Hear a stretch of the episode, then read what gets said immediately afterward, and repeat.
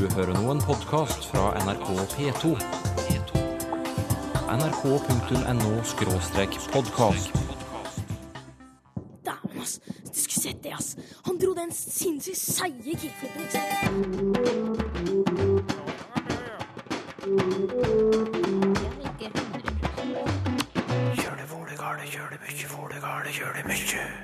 En hel sending med lytterspørsmål. Det gleder vi oss til, både Sylfest Lomheim, Toril Oppsal og jeg. Så skal vi gå rett på sak, kanskje? Ja. Det gjør vi. Bra. Da ringer vi sporenstreks til Leknes i Lofoten. Der bor Rune Myhrvold. Hei. Hei, hei. Hva er det du vil spørre Språkteigen om?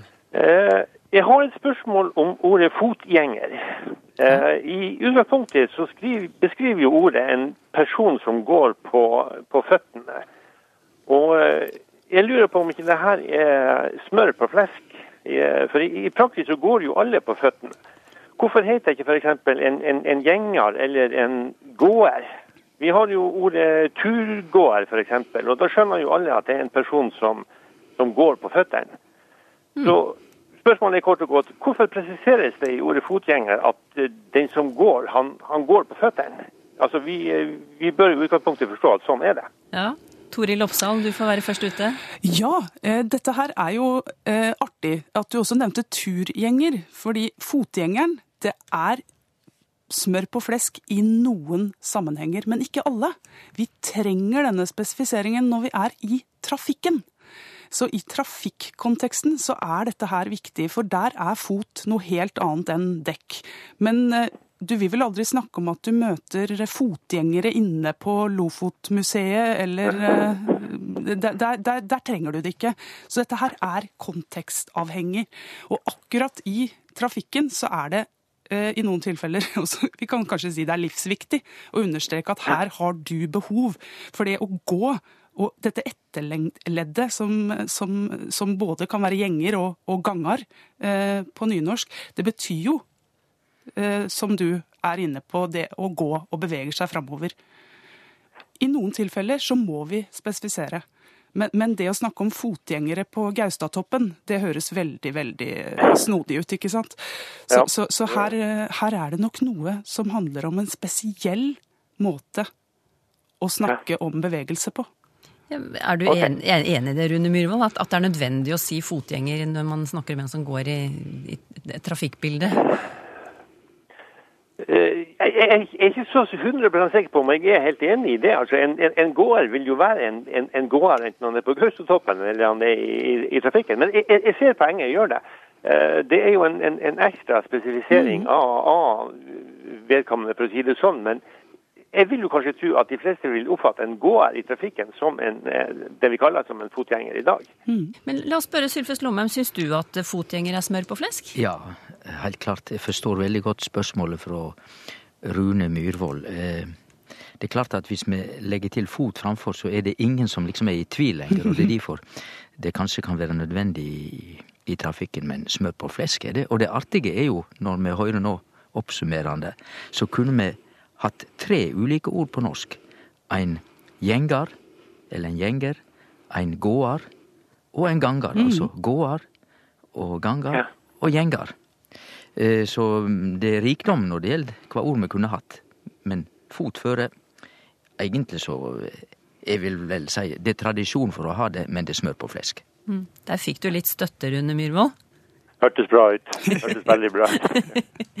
Er du fornøyd med svaret, eller eh, ja, hvordan er det? Ja, ja da, nei, jeg, jeg er veldig fornøyd med svaret. Det, det, var, det var fint å få det belyst. Flott. Takk for at du tok kontakt med Språkteigen og var med i sendingen. Jo, takk i like måte. Ha det godt. Jo, hei. En gjenganger eh, nå som er hentet fra Twitter, og det handler om dette for noen svært forhatte ordet bekymringsverdig. Bekymringsverdig at det fortsatt investeres tungt i oljesektoren, tvitret Miljøpartiet De Grønne i høst, og fikk bl.a. denne reaksjonen. Helt sant, men det er vel heller bekymringsfullt enn bekymringsverdig. Og dermed handlet resten av tråden om språk, og ikke om miljø. Um, en som heter Øyvind Kolnes, han spør i tråden her når begynte egentlig bekymringsverdig å snike seg inn i dagligtalen? Det er kanskje litt vanskelig å svare på, Toril Oppsal?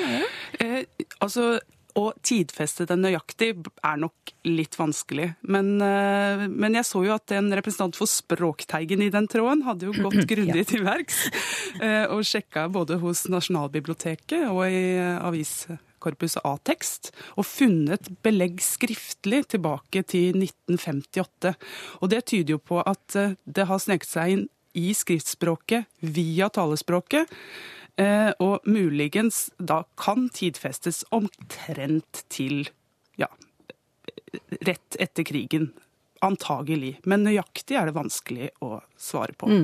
Men, men, men, det er et ord som har noen år på baken, vil vel mange si seg enig i. Altså. Ja, og, og, eh, det kommenteres som nevnt med jevne mellomrom. Vi får også brev om det til Språkteigen. Det er ikke registrert som ord, men Sylfest Lomheim, hva syns du om bekymringsverdig? Jeg ville ikke ha brukt det. Hvorfor ikke? Nei, fordi at det tradisjonelle ordet er jo bekymringsfull. Og verdig vil jo mange oppfatte som eh, et positivt ord. Når noe er verdig, så er det ja, det er positivt. Og det betyr at det er positivt med bekymring, og det er det jo egentlig ikke. Bekymring er jo noe som gir deg uro i kroppen. Så det er vel òg derfor at eh, kanskje ordet ikke har blitt sett på som stovereint. Men, men eh, spør du meg, så er jeg eh, lite bekymringsfull over det ordet. Det, jeg kunne godt si at ok, det er, ikke, det er ikke det største spørsmålet for meg, men jeg tror at jeg vil holde meg til det tradisjonelle inntil videre. Det er jo ikke bruken i avisene som skal bestemme hva som er korrekt. Mm. Hva med deg, Toril Opsahl? Ja, altså, eh, nå er jo etterlegdet verdig, og etterleddet fullt er jo fullt mulig å bruke til å danne ord, og de er ganske vanlige også. Full er nok litt mer alminnelig enn verdig. Verdig er noe som fortjener. Eh, og fortjener noe bekymring? Ja, jeg, jeg kan kjøpe den. Så der er jeg nok litt uenig med, med Sylfest. Og eh, det er nok ja, jeg, jeg, vet hva, jeg tør å spå her, jeg. I framtida så er det nok enda mer som er bekymringsverdig. Ja, blir og dette... da kommer det inn i ordbøkene. Ja, når skjer det? Mm. Nei, det veit vi ikke. Det er det når ordboksredaktørene finner det for godt. Og jeg hadde jo håpa at vi var litt usamde, Toril. fordi at det er jo, det er jo slik med språk, iallfall i dette tilfellet når det gjelder å vurdere skal vi ta inn et ord og gjøre det stovrent, eller skal vi ikke. Der fins det bare ikke fasit. Det er ei vurderingssak veldig ofte. Og dette med å ta det inn i ordboka, det avhenger jo av et bredt kildegrunnlag. Og nå er jo faktisk vi i gang via lyttere og Twitter-diskusjoner å skape et kildegrunnlag som viser at dette her er i allmenn bruk. Og noen vil nok fortsatt stritte imot, eh, og jeg kan være enig med dem også, men, men om en stund så vil ikke jeg bli overraska om dette her kommer inn som et ord i en ordbok. Agnes Vistalek lurer på hvor ordet 'morgen' kommer fra, og hva det egentlig betyr.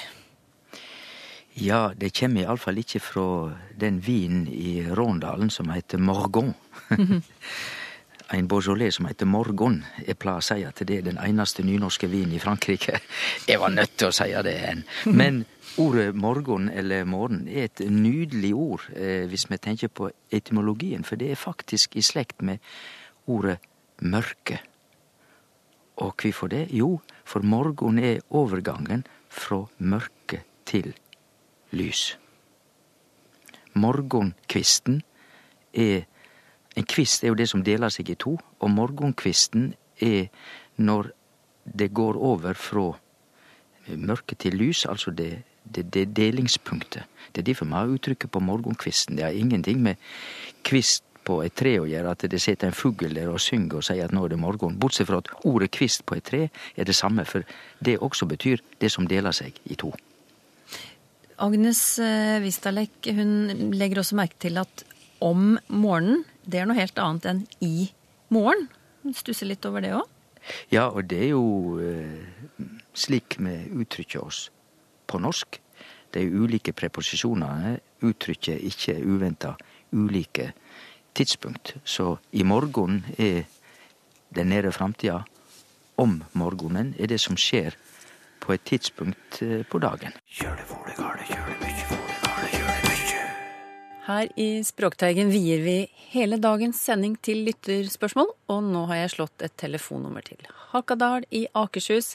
Hei, Kari Larsen. Hei, hei. Hva lurer du på? Du, jeg lurer på ordet meget. Mm. Som eh, jeg bruker en del i, i hvert fall i skriftlig form, og som eh, vi brukte f.eks. når vi fikk meget godt på skolen, eh, og det var i Bergen. Mm. Og så har jeg forstått det slik at det visstnok er blitt et ganske gammeldags ord nå. Hva er det som får deg til å tro det? Ja, for eksempel så har jeg jo skjønt at uh, nye eh, flyktninger som kommer eh, hit og går flere år på skole, ikke har lært det ordet. Nei, akkurat. Hva er det de bruker da? Ja, jeg tror de bruker veldig og kanskje svært, jeg vet ikke riktig helt. Men når jeg har skrevet noe, så får jeg spørsmål om hva betyr det, og så spør jeg andre. Nei, de vet heller ikke hva det betyr. Nei. Men eh, du, nå spør vi Toril Oppsal. Er ordet meget i ferd med å gå ut av språket? Dette her er et spennende spørsmål, eh, Kari. fordi her er du inne på veldig mye viktig allerede. Her er det forskjell mellom muntlig og skriftlig språkbruk. Helt åpenbart.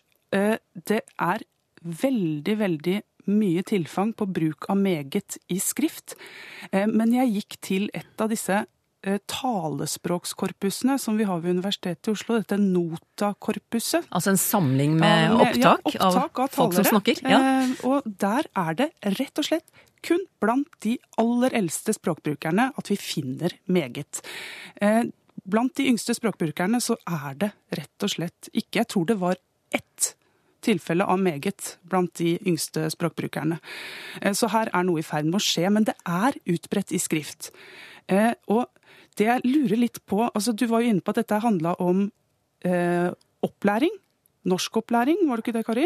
Ja, At dette her er noe som ikke er på vei ut av språket som sådan, men det er på vei ut av en rekke stilområder, kan vi heller kalle det kanskje. Hva mener du med det? Eh, At dette her er noe eh, Altså, Kari kalte det for gammeldags. Eh, Det er knytta kun til skriftlig bokmål. Kanskje også til en noe arkaisk formell stil i noen sammenhenger. Muntlig. Eh, Skriftlig er det mye mer utbredt. Eh, Så er det, som Kari også var inne på, noen tilfeller der hvor meget eh, har fått en støtte, og det er i denne karakterboka vår. Meget bra.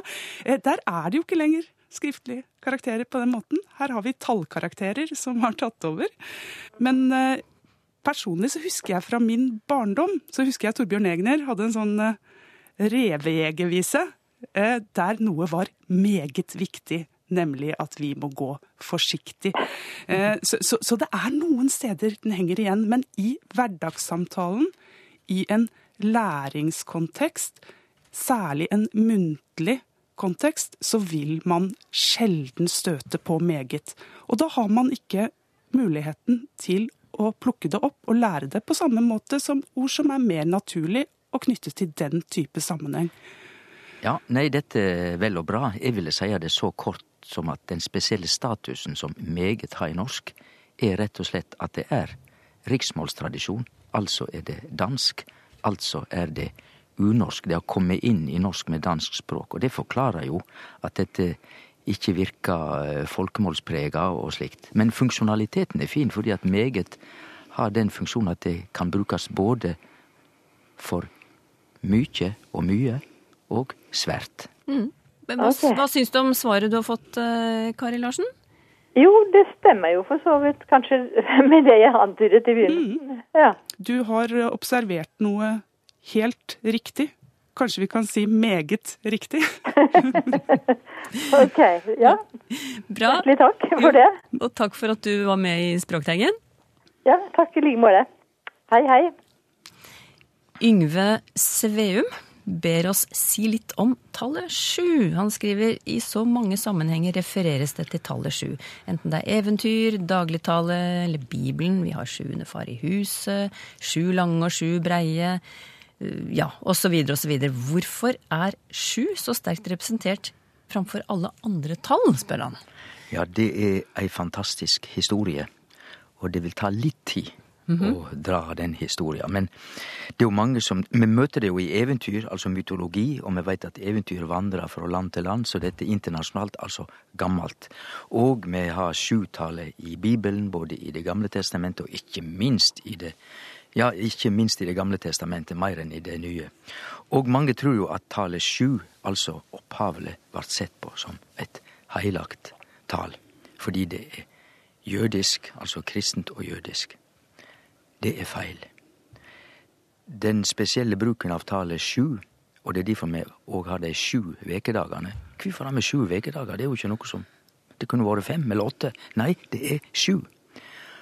Og de tror at det har med Bibelen å gjøre. Nei. Det er eldre enn Bibelen, for Bibelen ble ikke nedskrevet før etter 1000 før Kristi fødsel, altså. Det er ikke engang 3000 år gamle tekster. Men denne bruken av tallet sju går i alle fall 4000 år tilbake i tid til summerende i landet mellom de to elvene, altså Eufrat og Tigris. De organiserte hele livet sitt. De fant ut at året var den tida sola, altså. Og måneden, det var månen som gikk rundt, og det var 28-29 dager. Og så delte de opp måneden i fire veker, altså. Og det gjorde de fordi at de satt på jorda og så opp på himmelen. Og der fant de sola og månen og fem planeter som de så med det såkalla blotte øyet. Altså sju. Så det er de sju himmellekamene vi kan sjå med, med auga fra jorda, som er grunnlaget for den bruken av sju som er overalt nå. Så eh, de gjorde det godt, disse summererne for 4000 år siden. De bestemte rett og slett den globale inndelinga i tid som gjelder i dag. Over hele jorda så er det sju dager. Hva er forskjellen på tankestrek og bindestrek, spør eh, Erling Andersen. Er det noen forskjell, eh, Toril Oppsal? Eh, ja, dette her er jo et tilfelle der man kan si ganske tydelig at det er størrelsen det kommer an på. Mm. Her er det rett og slett en bindestrek er kortere enn en tankestrek. De er rett og slett visuelt forskjellige. Og så har de også ulike bruksområder. Ja, hva slags eh, forskjell er det i bruk? Eh, tankestrek det kan du sette inn som et skilletegn der hvor det skal representere et manglende ord, en pause. Du kan sette det inn istedenfor fra og til, eh, for å markere eh, 80 til 90 km. Ja, sånn, ja. eh, mens en bindestrek er et lim som du rett og slett setter mellom enheter som du ønsker å binde sammen. Mm. Ja. ja. Og tankestrek er rett og slett et alternativ til komma. Hvis du har til dømes inni ei setning et innskudd som er unødvendig, og da kan du sette komma føre og bak, så kan du også, om du vil, i stedet for komma, sette en tankestrek føre og bak. Og ellers, som eh, Toril eh, forklarte, så er bindestrek noe annet kortere, og det bruker vi inne i ord som et bindemiddel. Og regelen er at vi bruker tankestrek inne i et ord når det er nødvendig for at ordet ikke skal mistolkast eller mislesast. Så hvis det står eh, et ord sørpeis, men vi mener sørpeis, så bør vi ha eh, en bindestrek mellom e og i var et godt eksempel. Eh, det er jo også interessant med tankestreken, eller disse strekene som er litt lengre enn bindestrekene. Det, det fins flere typer av dem også, faktisk. Eh, rent typografisk. Eh, der er det én strek som er like lang som n-en, og én strek som er like lang som m-en. Og de strekene brukes litt forskjellig i bl.a. engelskspråklige tekster, og det fins ulike regler for avstand mellom streker. Og jeg tror at eh, denne lytteren eh, Erling Andersen skal finne mye glede i å undersøke nettopp disse tankestrekene i ulike tekster. Det er mye å gripe fatt i, men forskjellen primært er at de er av ulik lengde, og de brukes på forskjellige måter. Har du inntrykk av at eh, vi behersker dem, vi vanlige skrivende? Eh, Jeg kan jo eh, se i noen tilfeller at bindestreken blir brukt istedenfor tankestreken. Eh, Der har jeg et forslag til årsak. Og det er rett og slett det at vi skriver jo mer og mer og mer på tastatur. Og det som er tilgjengelig for oss på tastaturet, det er bindestreken. Folk sitter og leter litt etter tankestreken. De må rett og slett inn med noen ekstra taster, og så prøver man seg med et dobbeltslag på bindestrektasten. Da kommer den av seg sjæl. Men hvor var nå denne lange streken? Eh, var det kontroll? Var det, hvor, hvor, hvor finner jeg denne tanken... Altså, jeg, tror en del kjenner seg igjen i jakten på tankestreken. Og det gjør nok at bindestreken brukes som tankestrek i en del tekster. Vi har fått en eh, lyttertelefon eh, til, og denne gangen fra Ingelin eh, Barmen. Hei, hei. Hei, hei. Hei, du er i Spania akkurat nå, men det er jo ikke noe problem å, å ringe dit heller, så vi hører deg ganske fint her. Og da lurer jeg på hva du vil spørre om. Ja. ja, jeg lurte på om eh, det finnes noen regel for um, når O blir uttalt Å på norsk. For det jeg har lagt merke til, er at det, det ofte oppstår når O står foran en dobbeltkonsonant, som f.eks. i sommer, sokk og kokk. Men så har du plutselig unntak, da, som sove og smokk. Så jeg lurte på om dere kunne si noe om, om det. Hvorfor lurer du på akkurat dette? Eh, jo, jeg har akkurat nå så jobber jeg i voksenopplæringa som norsklærer. Og da har jeg fått spørsmål om dette her, og så satte jeg meg litt fast. mm. ja. Du ble svar skyldig. ja. Men du, nå skal du få hjelp. Sylfest Lomheim, hva Ja. vil du si til Ingelin Barmen? Da vil jeg si at eh, sova er, som du var inne på, Ingelin, det er et unntak. For det er jo S-O-V-A. Det er bare én konsonant etter O-en. For det er en regel i norsk, og den regelen er grunnleggende og eh, praktisk talt uten unntak. Nemlig at eh, når vi har i uttalen, når vi uttaler denne O-en i skrift, når vi uttaler den, og han er kort, så er det Å. Og når han er lang, så er det O. Og det betyr at når vi skriver, så blir det to konsonanter etter den korte, og det blir én konsonant etter den lange. Og det er derfor vi sier sopp, men sop. Altså sop opp det rusket som ligger på Altså sopa. Men sopp. Og vi sier kopp, fordi at det er en kort lyd. Da blir det to p-er og å-lyd. Men vi sier coop. Du ikke stå og coop. Da er det lang o, altså bare én p etterpå. Så dette er et system i norsk. Det er ingen tvil om. Mm. Var det forståelig, Ingelin Barmen? Ja, det, var, det var fint, det. Ja. Men eh, hva med dette her smokk, da? Da har du jo O pluss dobbeltkonsonant, men så blir det uttalt O. Eller er det kanskje noe med dialekt? Ja, der er det nok mange, kanskje like mange som sier smokk Ja, i stedet for smokk. Eh, Men eh, begge deler blir jo, eh, kan vi høre som uttaler. Det har du rett i. Toril Oppsal, har du noe å legge til? Ja, vet du hva? Her er det jo, Der syns jeg Ingelin var inne på et viktig poeng her, for hun sa dialekt. Og, og det gjelder jo veldig mange av de orda dere har nevnt. De kan vi også støte på med andre uttalemåter i norsk. Eh, Men i den situasjonen der Ingelin er, og hun vil ha et svar, er det en regel, så er svaret ja.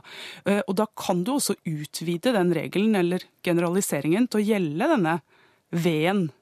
Altså kommer det en V etterpå, så er det veldig ofte en Å-lyd. Og også en G i tillegg til eh, dette med dobbelt konsonant. Så du kan, eh, du kan regne dobbeltkonsonant, G og V, som ja, noen gode tommelfingerregler, i hvert fall for når det sannsynligvis blir en Å-uttale. Ja, Hva tror du, Ingelin Barmen? Er dette brukbare forklaringer som du kan ta med deg inn i klasserommet? Ja, det tror jeg skal være. Det skal gå an å bruke klassen, ja. Flott. Men da sier jeg takk for at du eh, tok kontakt med Språkteigen og ble med hos oss. Ja, takk for meg. Arne Maus synes ordet rot er rart. Det har to helt motsatte betydninger. Rot kan bety noe fast og solid, som i rotfast og røttene mine.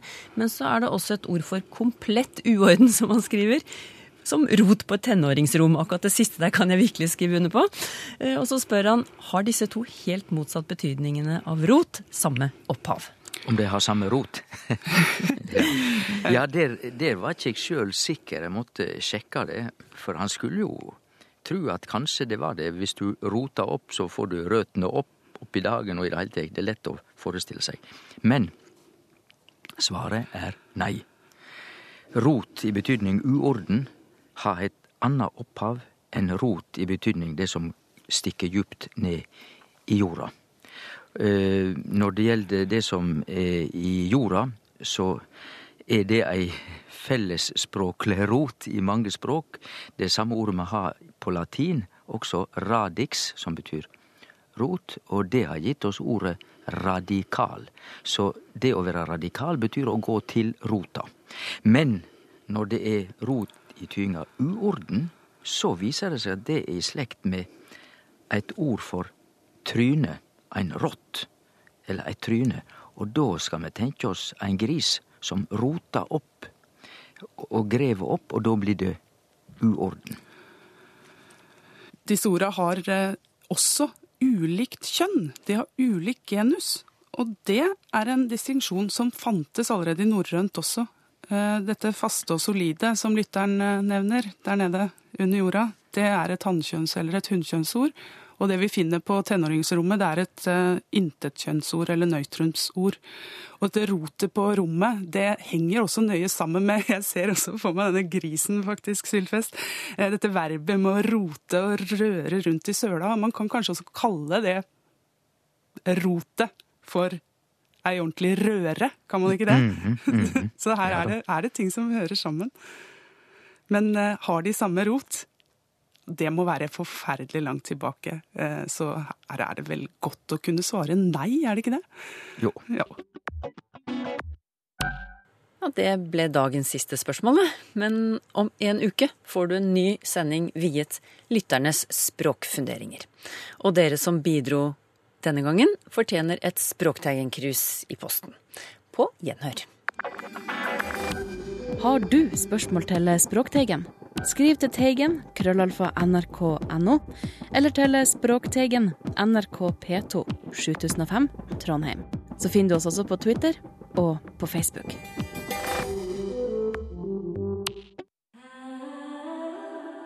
nrk.no podkast.